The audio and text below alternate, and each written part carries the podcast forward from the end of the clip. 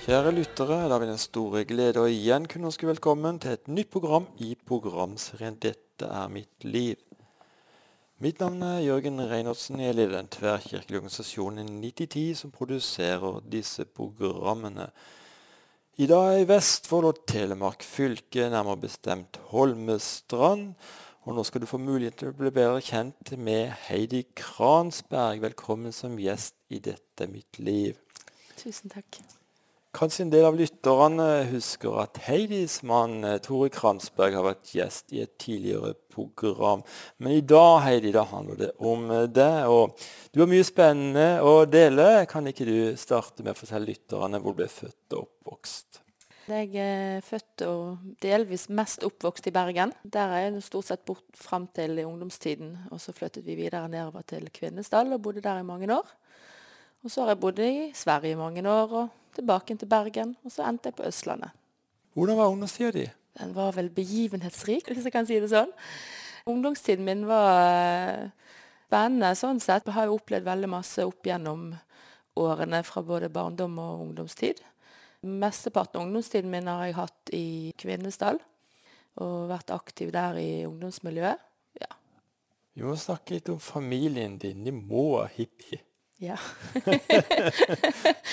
ja, jeg er jo det som kalles for flower power-barn, da. Mamma ble jo uh, tidlig ute i, i, det miljøet sånn sett. Når vi ble født, og, og så ble det jo til at vi uh, var anket i det miljøet sammen. Men vi var ikke sånn at vi ble så veldig utsatt for det sånn sett, annet vi opplevde mange av de som uh, kanskje var litt friere og levde litt annerledes enn det vanlige folk gjorde, og ble ikke respektert på samme måten. For man hadde litt annen tilnærmelse til hverdagen. Men ellers levde vi jo veldig greit. Ble du mobba på noe vis, eller? Ja. Ble mobbet på skolen de første, første fire årene så jeg gikk på skole i Bergen, før vi flyttet. Så ble jeg mobbet. Og det var ganske utfordrende. Og spesielt etter at min mor ble en kristen så ble det jo enda mer å utsette deg for. For vi ble jo på en måte veldig radikale i forhold til hvordan vi levde, da. Hun ble radikalt frelst? Ja. Hun ble veldig radikalt frelst. Hva, hva legger du i det? Hva jeg legger i det, jo altså når jeg var Mamma ble frelst i 82. Hun er jo oppvokst i kristent hjem sånn sett innenfor Smiths venner. Men gikk tidlig bort ifra troen sånn sett. Og så var det hjemme i stuen en god venn av henne som ikke trodde på Gud. Han var ateist. Og de satt og pratet, og plutselig så sier han til mamma at du må bli frelst. Og mamma ble helt sånn Hvor kommer det fra, sier hun. og, og, liksom han som ikke tror på Gud engang, liksom. Og så sitter han og tenker litt, og så sier han bare at uh, det kommer her oppenifra, og så spretter hånden opp, og så bare peker han mot himmelen. Og da visste på en måte mamma at det var overnaturlig. Så gikk det bare, kanskje bare noen uker, og så var hun på noen møter på Blå Kors. Eh, kort fortalt. Nå gjenforteller jeg jo hennes historie. mm. Men, eh, og da ble hun frelst, eh, og vi opplevde en utrolig stor kontrast til det vi var vant til, på en måte. da. Nå ba jo vi alltid kveldsbønn når vi var små. Så det var på en måte ikke sånn at du var helt fremmed for alt, men allikevel så var det fremmed. Altså Mormor var jo en kristen, og hun var jo en bønnedame som ba for hele familien. Når du går i et sånt miljø med rusmisbrukere, så er det veldig tøffe ting du kan møte. Flere ganger vi på en måte hadde personer som var truende. Det var jo en av de tingene han sa. Hvis ikke du blir frelst, så kommer det til å skje deg noe forferdelig, sier han. Og det var jo da like etterpå en som prøvde å ta mamma sitt liv, da.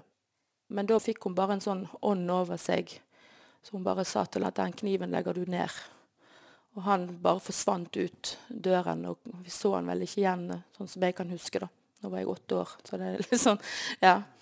Men det var veldig sånn, vi opplevde en del sånne, kan jeg kalle det for åndelige opplevelser, der du merket uh, mørket kontra lyset. Uh, og vi sa jo veldig fort til mamma at dette var godt. For vi opplevde det som en god opplevelse, veldig positivt.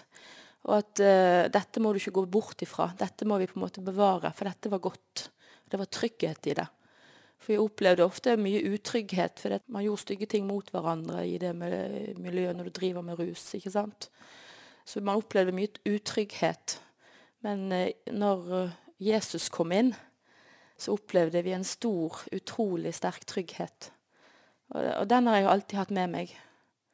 Jeg husker jo når jeg var liten og lå i sengen til mamma meg og min søster, så så vi en mørk skygge som løp inn i rommet. og Etterpå så kom det en lys skygge og løp etter og jagde på en måte den mørke skyggen ut. da. Og Vi ble litt sånn 'Mamma, hva er dette for noe?' Eh, og da husker jeg mamma fortalte at det var en engel som kom for å passe på oss. Og den mørke skyggen, den, det var på en måte det onde, da. Og så jagde lyse skyggen det mørke ut. Og så kom freden i rommet. Og det var veldig sånn spesielt. Så vi har på en måte opplevd mye sånn vi skal kalle det for overnaturlige ting. da. Men det har blitt en naturlig del av livet uten at man skal lage noe stor oppstyr ut av det. da. Mm. Din far han ble psykisk syk. Det er litt sånn ulike historier som er blitt fortalt sånn sett, men eh, han, uh, han drev og eksperimenterte litt med ulike Han var ikke, noe, han var ikke rusmisbruker på den måten. Han var en veldig ordentlig mann, har jeg fått høre. Veldig hyggelig og omgjengelig, og det har jeg opplevd sjøl i ettertid. Men han prøvde jo LSD og litt sånn forskjellige andre stoffer. Og så var han en tur i England eh, på en sånn eh, konferanse eller sånn konsertgreie som du ofte hadde på den tiden. Og så kom han hjem etter det og var ikke seg sjøl, så han fikk noe dårlig stoff som han kom borti, og kom liksom aldri helt ned igjen. Så han ble jo det som kalles for schizofren, da. Eh, og ble jo tvangsinnlagt når jeg var en eh, Ja, jeg vet ikke, rett før jeg ble født, eller rett etterpå. Så jeg kjente jo ikke han før det. Min søster fikk jo oppleve han litt mer enn meg, da. Så jeg, min eh, kjennskap til pappa ble jo gjennom psykiatrien, og han var jo veldig lukket. Han drev jo veldig mye med yoga, buddhisme og meditasjon, og var jo veldig inn i disse andre religionene og, tilkalte andre guder, på en måte. da. Så han opplevde jo veldig mye åndelige ting.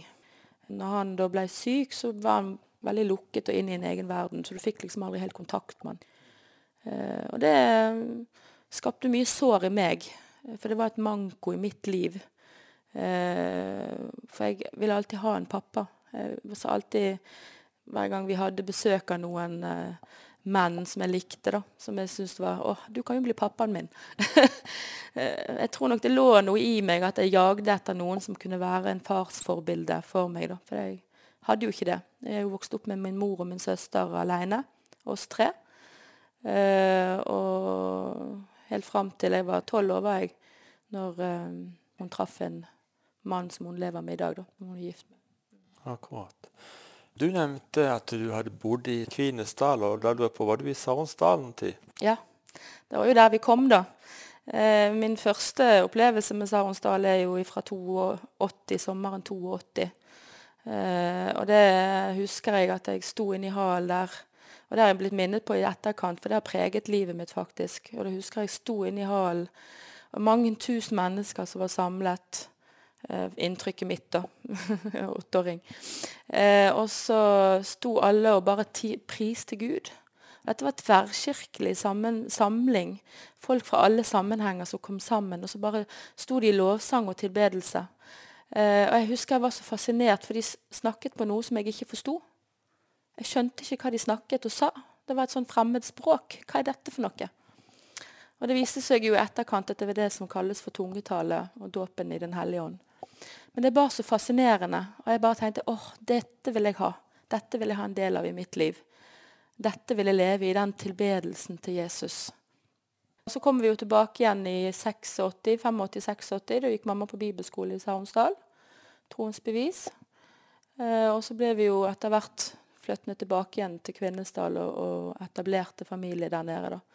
Eh, mamma giftet jo seg med en på bibelskolen, og et år etterpå igjen så flyttet vi ned igjen. Så lillesøsteren min er født i, på Flekkefjord sykehus. Uh, og det er veldig artig. Så vi har hatt mange uh, Løpt mye rundt i Saronsdal og i Hal og opp og ned i, på bibelskolen. Og, ja. mm. mange gode opplevelser derfra. Eh, tok du et personlig valg om å følge Jesus den tida, eller? Ja, det ble liksom bare sånn naturlig. Jeg har ikke noe sånn konkret dato sånn annet enn at jeg, jeg husker når vi gikk på bibelskolen. Eh, så husker jeg dette med tungetale kom opp igjen. For jeg syns det var så fascinerende at folk kunne snakke noe sånt språk som jeg ikke forsto. At Gud kunne skjønne det. Så jeg husker jeg fikk det liksom inn i hodet at jeg skulle bli åndsdøpt. Så var mamma og en afrikaner som gikk på bibelskolen, de ba for meg. Eh, da var jeg rundt 11-12 år. Eh, og bare lenge og vel, og ingenting skjedde, og jeg ble mer og mer fortvilet. Jeg vil jo ha dette. Kom igjen, liksom. Og så plutselig så begynte det å komme bare et ord som jeg begynte å be. Og så plutselig så ble jeg fylt av en sånn varme. Og du bare opplever en sånn kjærlighet fra Jesus. Og så bare kom det masse ord ut av munnen min som da de fortalte meg etterpå at dette var det som var tungetale. Og så husker jeg, Vi var jo tre-fire andre unger på bibelskole på det året. der, så Vi hadde jo sånt hemmelig rom under trappen, så vi hadde tatt masse puter fra madrassrommet og madrasser og dyner og lagd oss en liten grotte. Ja. så hadde vi bilder av a-ha, blant annet, for de var jo veldig populære på den tiden. Men da husker jeg vi lå under der med lyset tent og fortalte hva jeg hadde opplevd. Og så sier de to andre dette vil vi også ha. Så vi lå under trappen, vi, og så ba vi og ropte på Jesus at han skulle gi dem dåpen i Den hellige ånd. Altså, vi har det veldig, veldig artig. Året etterpå så var jeg på en eh, konferanse med Ludvig Karlsen i Bergen. Da bodde vi på Frekkhaug. Og Det skulle være en helg, men det ble vekkelse, så det varte over en, en og en halv uke, tror jeg. Uh, og den helgen var jeg med i sånn felles kor og sang. Og da uh, husker jeg satt på det ene møtet, så bare kjente jeg at Gud kalte på meg om at jeg skulle overgi hele livet mitt til Han. Det var en sånn hva skal jeg si, Det var, var ikke noen sånn stemme som snakket høyt og tydelig. Det var bare en sånn Hjertet mitt dunket fort, og jeg opplevde på en måte at dette var noe jeg ville Det var noe som utfordret meg i, på å ta et valg, om jeg vil følge Jesus eller ikke 100% Så da kjente jeg at det hadde jeg lyst til. Så jeg overga livet mitt til Jesus den dagen. Og det var jo faktisk 22.1.1987, faktisk. Og da var du da gikk jeg i syvende klasse, så da må det ha vært eh, 13 år. Mm. Du lytter på programserien 'Dette er mitt liv'. Mitt navn er Jørgen Reinertsen. I dag er jeg i Holmestrand og treffer Heidi Kransberg. Du nevnte at du var blitt frelst som en 13-14-åring, men, men så, når du var 17, så vendte du Gud ryggen. Du må fortelle. Ja, det ble sånn. For at jeg eh, opplevde en periode av livet der jeg kjente at jeg hadde gitt livet mitt til Gud skikkelig. Jeg sa at jeg ville prøve dette på ordentlig, og leste Bibelen, ba. Opplevde mange ting med Gud som jeg ikke helt visste hva var for noe. Eh, men så opplevde jeg veldig mye at det står et vers i Bibelen at du skal ikke forakte den unge, eller du skal ikke forakte deg for din ungdoms skyld, står det. Og det var vel litt det jeg opplevde, at jeg møtte veldig mye forakt. Eh, fordi at eh, noen mennesker kan eh, tale om Gud, men så lever de kanskje et annet liv. og det var vel jeg opplevde, å bli skuffet på at mennesker levde et dobbeltliv. Jeg ble også skuffet på den måten at ting som du hadde sagt i fortrolighet, det ble da snakket offentlig om i, hos andre, om ting som ikke man skulle vite. Og det såret jeg jo veldig. Og jeg følte mange ganger at hvis dette var å være kristen, så har ikke jeg lyst til å være kristen. For dette, dette kan ikke jeg gjenkjenne meg i. Jeg har ikke lyst til å være sånn mot andre mennesker. Så jeg var på vei bort fra Gud i mitt hjerte. Eh, jeg var såret, jeg var skuffet. Jeg, var, jeg følte meg litt sånn ut i ingenmannsland. Eh, jeg visste ikke helt om Gud egentlig var glad i meg. Eh, for jeg følte hele tiden at, at jeg ikke kunne forvente så mye fra Gud. For han var jo sikkert ikke glad i meg. sant? Og dermed så hadde jeg bestemt meg for at eh, når jeg gikk i andre klasse på videregående, så planla jeg det at når russetiden kom neste år, da var det min utgangsport fra Gud. Da var det veien bort fra Gud. Der så jeg plutselig, Da kan jeg gå uten at det blir liksom et svært baluba. Da var det liksom fin glidning, på en måte. da. Eh, sånn at ikke mamma og de heller også skulle bli såret. ikke sant? For det var liksom mange du skulle ta hensyn til. Eh, og så begynte plutselig mamma å, å, snakke om at de skulle reise på bibelskole. Eh, og de ville gjerne ha meg med. Og da sa jeg nei, det vil jeg ikke. Jeg har lyst til å fullføre skolen på samme plass en gang i mitt liv. Vi har flyttet masse. Jeg kjente bare nei, det har jeg ikke lyst til i det hele tatt. Å gå på bibelskole det ville jo bety helt annet enn det jeg hadde tenkt. Så sier mamma det at du kan jo be over det, sier hun. Og så ja, sier jeg bare sånn kort, og så går jeg på rommet. Så slenger jeg sånn Ha, gå på bibelskole, liksom. Nei takk. Det er jeg ferdig med. Du har bevist nok allerede at, det, at dette ikke er noe for meg. Og Det var min bønn. Jeg sa ikke noe mer. Og Så gikk det en stund, og så kommer mamma og forteller meg at de hadde bestemt seg for at ikke de skulle reise likevel. Og så bare åpner jeg munnen, og så kommer det bare ut at ja, men jeg reiser. Jeg sto der helt sånn Hæ?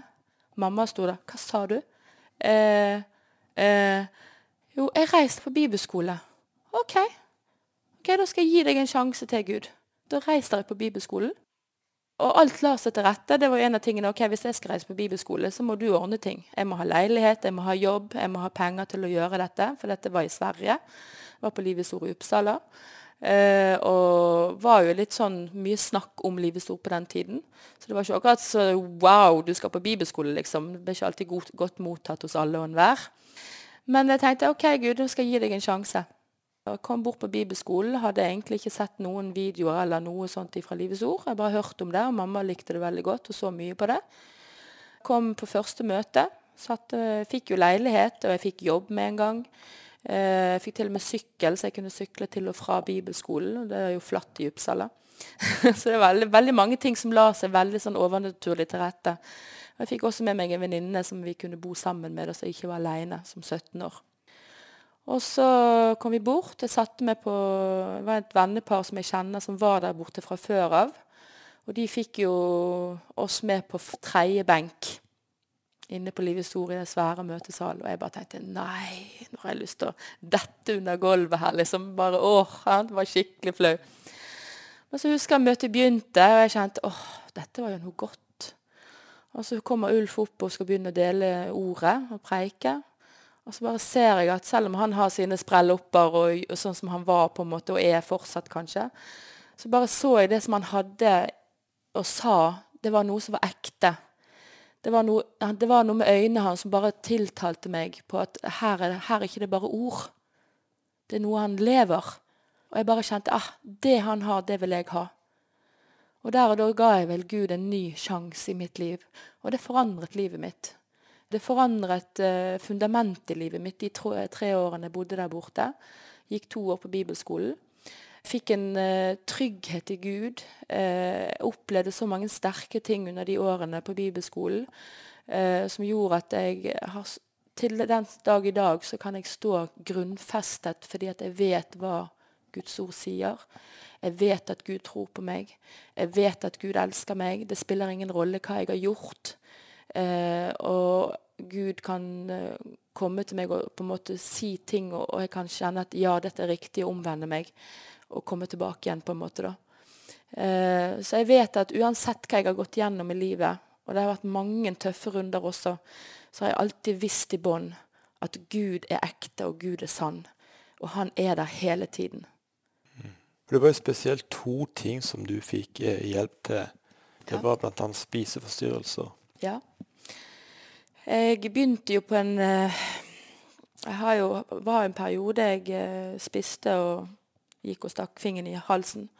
Og dette ble jo en vane.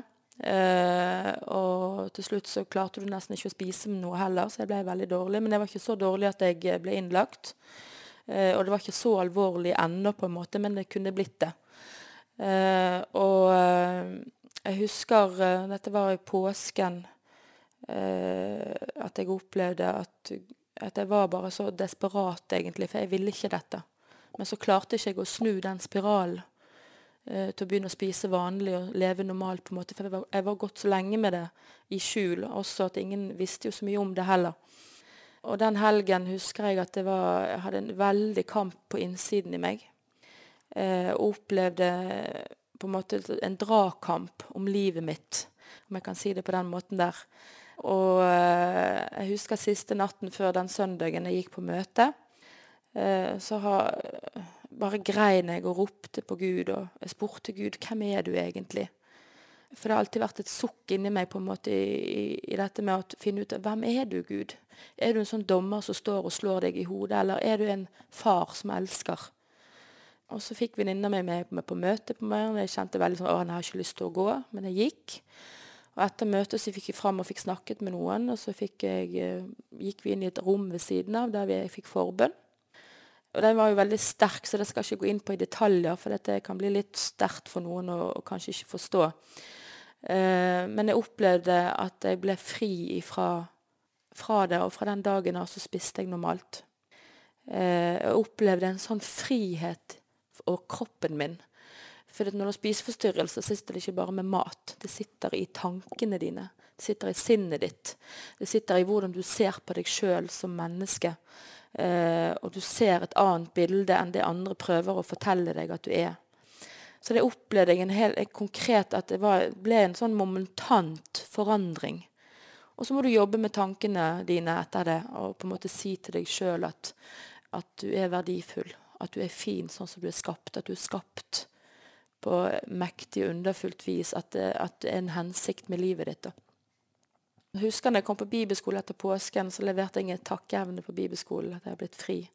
Og da husker jeg det ble stående applaus i salen. Det var jo ikke noe navn eller noe sånt. Men jeg husker bare jeg ble så rørt av handlingen, og takknemligheten for at noen hadde blitt fri fra det. Så jeg tror virkelig at mennesker kan bli fri fra spiseforstyrrelser. Og det gjelder ikke bare det, men det gjelder også å bli forandret i tankene dine. Og så fikk du også erfare at Gud, han er din far. Ja.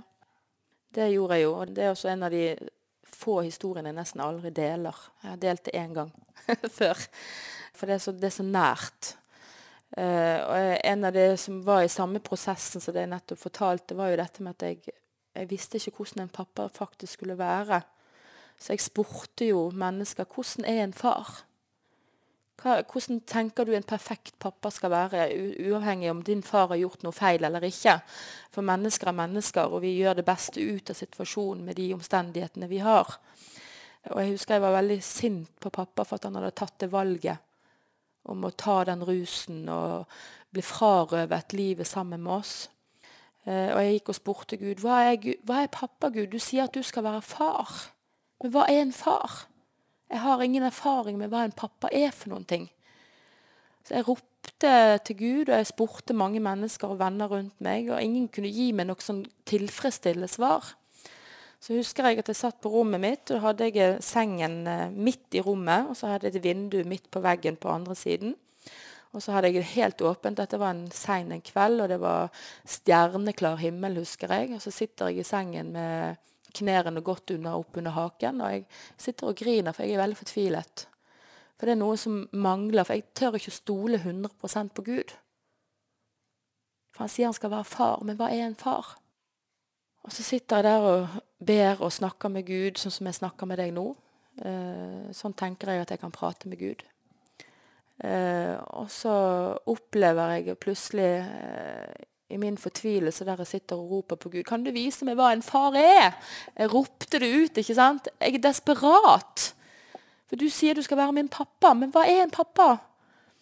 Og så bare kjenner jeg plutselig at jeg eh, sitter på fanget. Fysisk sitter på fanget til en skikkelse som ikke er i rommet. Eh, og det er som å sitte på pappas fang. Og det har jeg aldri ordentlig opplevd. Jeg har sittet på fanget til mange, men ikke på den måten. Og jeg kjente jeg ble omhyllet av en sånn kjærlighet. Og jeg bare kjente at jeg, jeg bare satt og ristet i sengen og bare kjente all smerten og all den fortvilelsen og den ensomheten og det savnet etter å ha en far, det rant liksom bare ut av meg.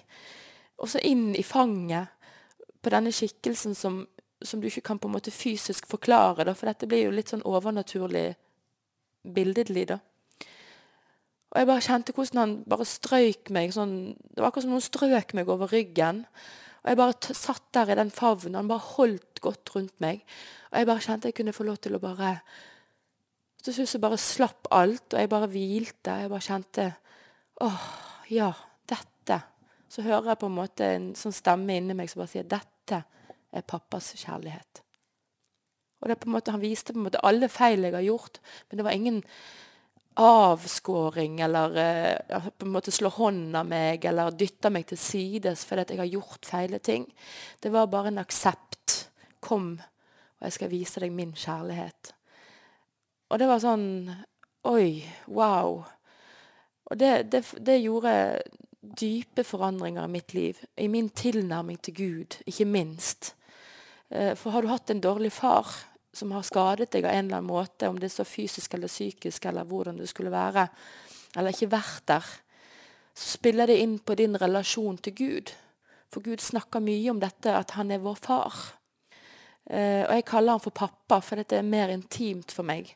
Noen mener det er ikke så respektfullt som far, men for meg så er det det næreste jeg kan kalle Gud for, er min pappa. Og da vet jeg at uansett hva jeg har gjort, så kan jeg komme til han. Han vil ikke forakte meg, han vil ikke forkaste meg, han vil ikke slå hånden av meg. Han vil elske meg. Og samtidig så vil han også i den kjærligheten fostre meg til å bli et bedre menneske. Eh, og da kjente jeg at jeg samtidig i det momentet så kjente jeg bare sa til Gud Jeg tilgir pappa. For ikke vært der. For ikke vist meg det som jeg trengte for å oppleve trygghet. For det er noe i det tryggheten i den farskjærligheten som du trenger. Vi trenger mamma, og vi trenger pappa. Vi trenger begge to. Og mamma gjorde en kjempejobb, så det er ikke noe sånn nedsettende med hun på noe som helst måte. For hun var en fantastisk. Så sterk kvinne å kunne stå alene med to barn i så mange år og ikke få den hjelpen som du gjør i dag i samfunnet i dag. Eh, så jeg er så takknemlig både for uh, alt jeg har fått, fått i, av hunden, på en måte. da. For det har jeg jo. Masse som jeg er takknemlig for. Det er de, en av de to av de store tingene som har på en måte gjort uh, Forandret livet mitt. Og spesielt den farsopplevelsen. For jeg uh, hadde mange kjærester Og jeg fant ut i ettertid at det var ikke kjærester jeg søkte. Jeg søkte en far. Søkte en som kunne holde rundt meg, trøste meg, oppmuntre meg, formane meg. Si nei når det trengtes å si nei. Eh, og være den, den, som en far skal være. Eh, og det fant jeg ut etterpå at det er jo derfor at det blir gale. For at jeg søker feile ting. Jeg søker jo ikke en kjæreste, jeg søker en far. Og da blir det, det blir feil, vet du. Du kan ikke blande de to tingene sammen. Du lytter på programserien 'Dette er mitt liv'. Mitt navn er Jørgen Reinertsen. I dag i Holmestrand og treffer Heidi Kransberg. Vi sitter faktisk i disses hjem. Mm. Heidi og Tore ja. sitt hjem her i Holmestrand. Og Heidi, før denne musikalske pømsen, når du sang så nydelig, eh, så nevnte du at du hadde ymse erfaringer med gutter. Men, eh, men så kom Tor inn i bildet. Ja. ja. Han gjorde det. Han datt jo inn i livet mitt. Han tok meg med storm, faktisk. Den sommeren eh, rett før jeg traff han, så kom jeg jo hjem fra Kreativ Misjon drama- og danseskole jeg hadde gått på et år. Og var egentlig litt sånn lei av feile mannfolk, for å si det rett ut. Eh, og som ikke på en måte visste hva de ville, eller ikke var bra for meg, eller sånt.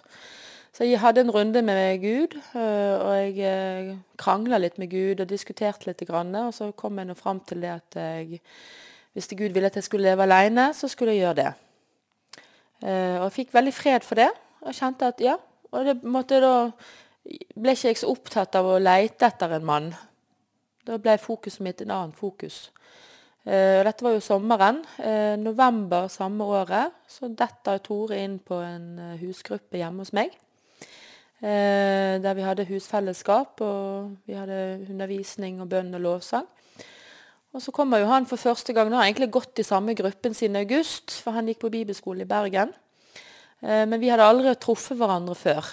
Og det var egentlig en veldig viktig ting, for den helgen hadde han nettopp vært hjemme og Uh, han er jo skilt og har vært nettopp hjemme og skrevet under skilsmissepapirer og på en måte gjort den del på en måte ferdig, kort fortalt. da.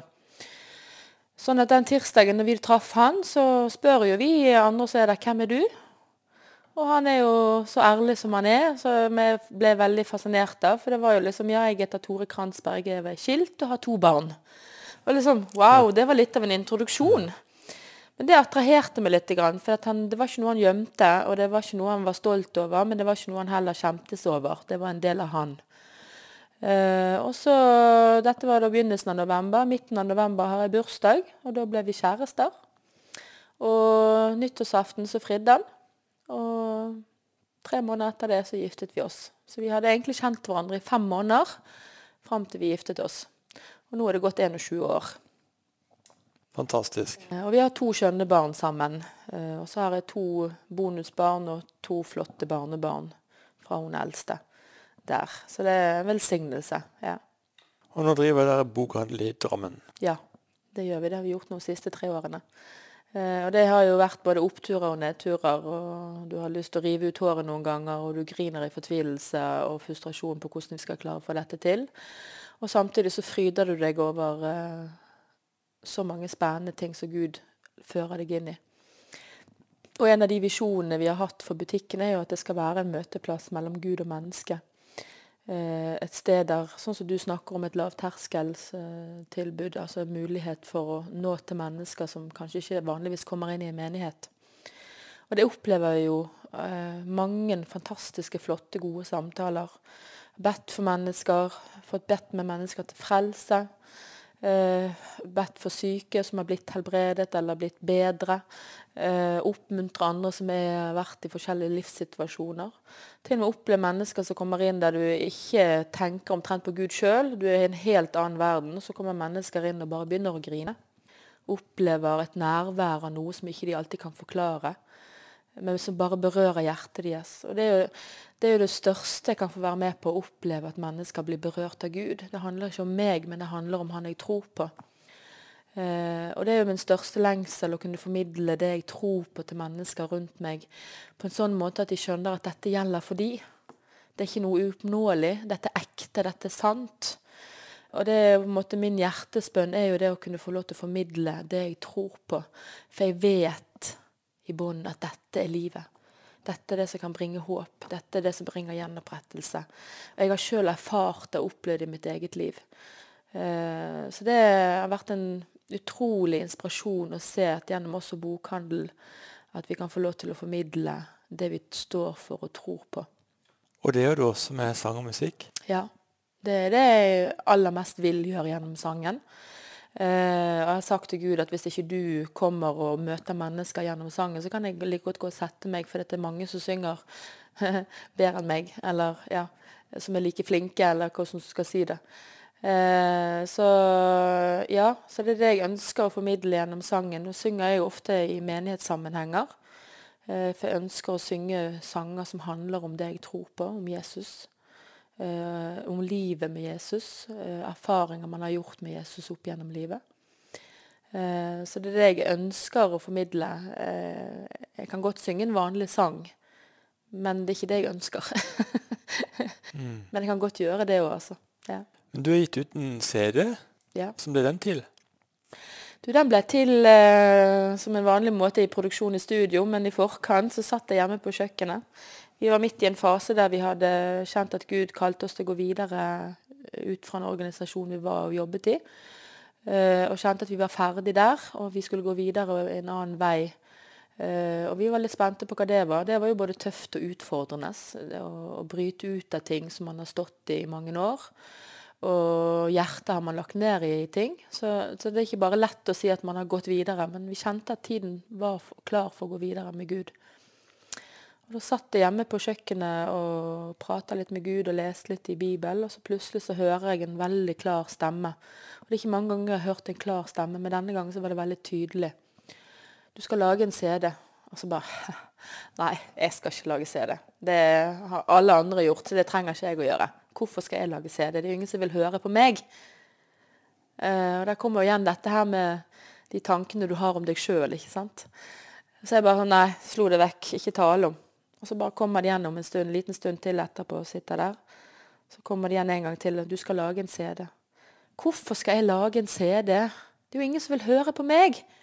Og så bare kjenner jeg at eh, det handler ikke om at de skal høre på deg, det handler om at du skal formidle det jeg har lagt ned i livet ditt. Jeg ble veldig tydelig på at det skulle være en CD som omhandlet om sanger som har betydd noe for meg opp gjennom livet. Så Derfor så vil hun høre på en måte at det er to sanger som er godt kjente og brukte, bl.a. den som du har hørt tidligere i programmet, der Jesus satte sjelen fri. Det var en sang, eh, siste sangen jeg sang sammen med min mormor, som har vært en bønnekjempe i vår familie.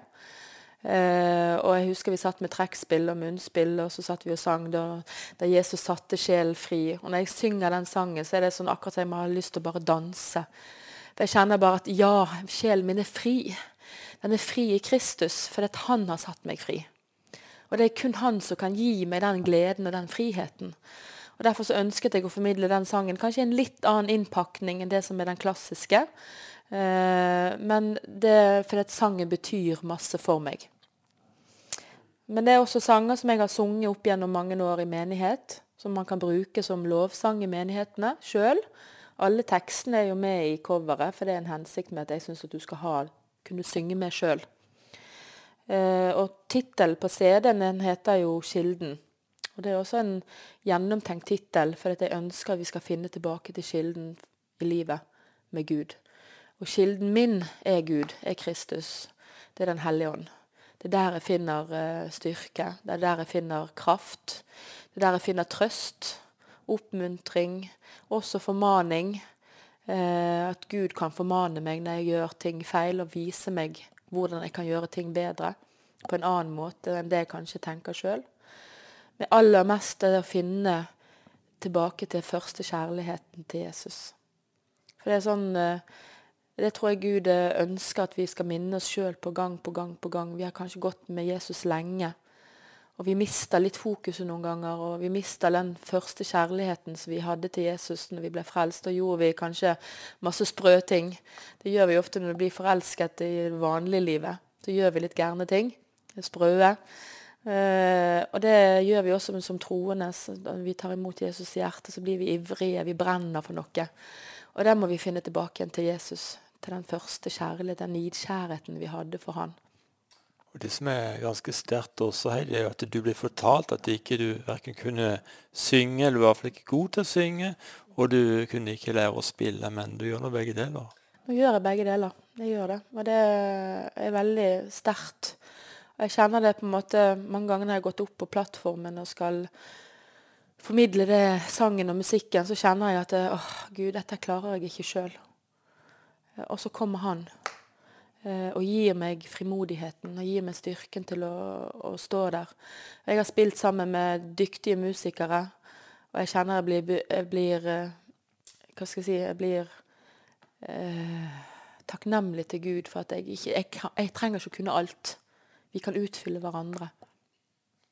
Jeg vil jo si det at Når jeg lytter på det, Heidi, så rører det virkelig mitt hjerte. Det er en sånn salvelse sånn når du synger. Eh, denne CD-en, hvordan får man tak på den? Den kan du få tak på enten å ta kontakt med meg, eller så kan du òg gå på nettet. Den ligger ute på iTunes og Spotify, heter Kilden. Og du kan også kjøpe den i butikken vår, eller i bibelbutikken i Drammen, nei, Tønsberg, Egersund, Sandnes og andre steder som har tatt den inn. Så bra. Når det blir talt sånne løgner over våre liv, ikke sant. Du kan ikke det, du får ikke til det og sånt noe. Jeg vil jo tro det er mange lyttere som kjenner seg igjen i det. Har du noen ord til dem? Ja, for det første så ikke tro på løgn. Vi har så lett for å tro på det negative først. Det kan være én person som sier noe stygt til deg, og du tror på den ene istedenfor de ti andre som sier noe positivt. Jeg vet ikke hvorfor det er sånn, men det er sånn vi er. Eh, våg å tro at du er skapt på underfullt vis, at du er en hensikt med livet ditt. Og tør å si det motsatte. Tør å gjøre som jeg gjorde. Still deg foran speilet og begynn å tale til deg sjøl at du kan. Eh, og er det ting som burde blitt sagt ut, sånn som at du ikke kan gjøre noe, så si det motsatte. Jeg kan gjøre det. Gå til Gud med det. Hvis du er kristen, eller hvis du ikke er en kristen, så ta imot Jesus. Og la han få lov til å forandre deg i sin kjærlighet. For han elsker alle mennesker uavhengig av hvem vi er, og hva vi har gjort, og hva vi kommer til å gjøre. For noe kommer vi til å gjøre en gang framover òg. Vi er ikke feilfrie nå. Og ikke gå inn i denne negative spiralen og spinn på det negative. Si positive ting om deg sjøl. Tal positivt til deg sjøl. Eh, ikke det at du skal bli blærete og overlegen. Det er ikke det det handler om, at du skal være høy på deg sjøl.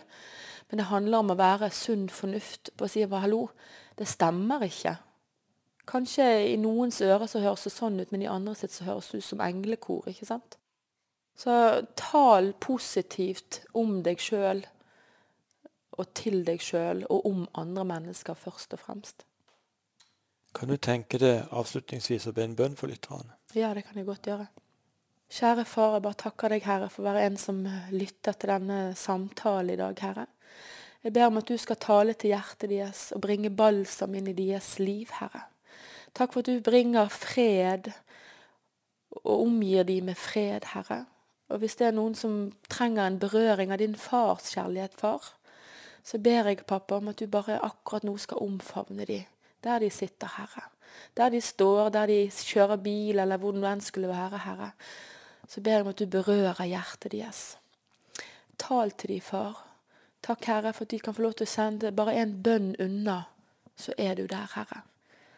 Jesus, kom til meg, kan de si, Herre, og så er du der og berører deres hjerte, far. Jeg ber om at du bringer legedom inn i syke menneskers hjerte, Herre, og gjenoppretter det som er knust og sønderbrutt, Herre. Takk for det, din kjærlighet er evigvarende og kan ikke forandre seg den vil alltid stå fast. Så takk for hver og en som har uh, lyttet til denne sendingen i dag, far. Takk for at du berører dem og møter dem i Jesu navn. Amen. Amen, amen.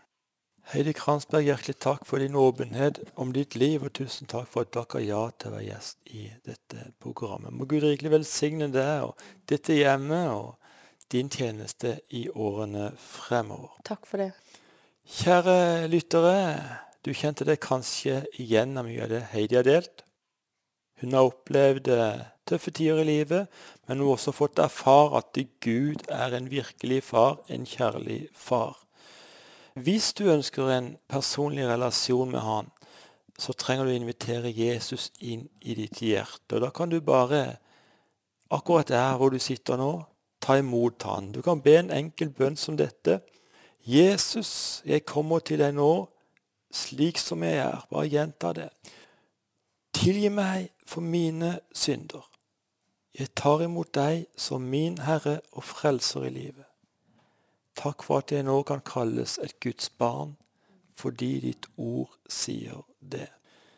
Om du ba denne bønnen, så vil vi svært gjerne komme i kontakt med deg, så vi kan sende en gratis bibel og litt annen litteratur. og så... Eh, vil vi gjerne få sette deg i kontakt med en menighet der hvor du bor. Det er avgjørende å bli del av et fellesskap. Du kan eh, nå meg på Facebook, Jørgen Reinholdsen. Om ikke du er venn med meg fra før, så kan du gjerne legge meg til som venn. Eller følge meg der, eller du kan inn på vår hjemmeside. Det er 9010.no. Dette staves slik nitti 10.no. Neste uke er vi tilbake på denne kanalen med nye gjester som deler sine unike livshistorier. Vi takker så mye for i dag og ønsker deg det beste av alt Guds velsignelse.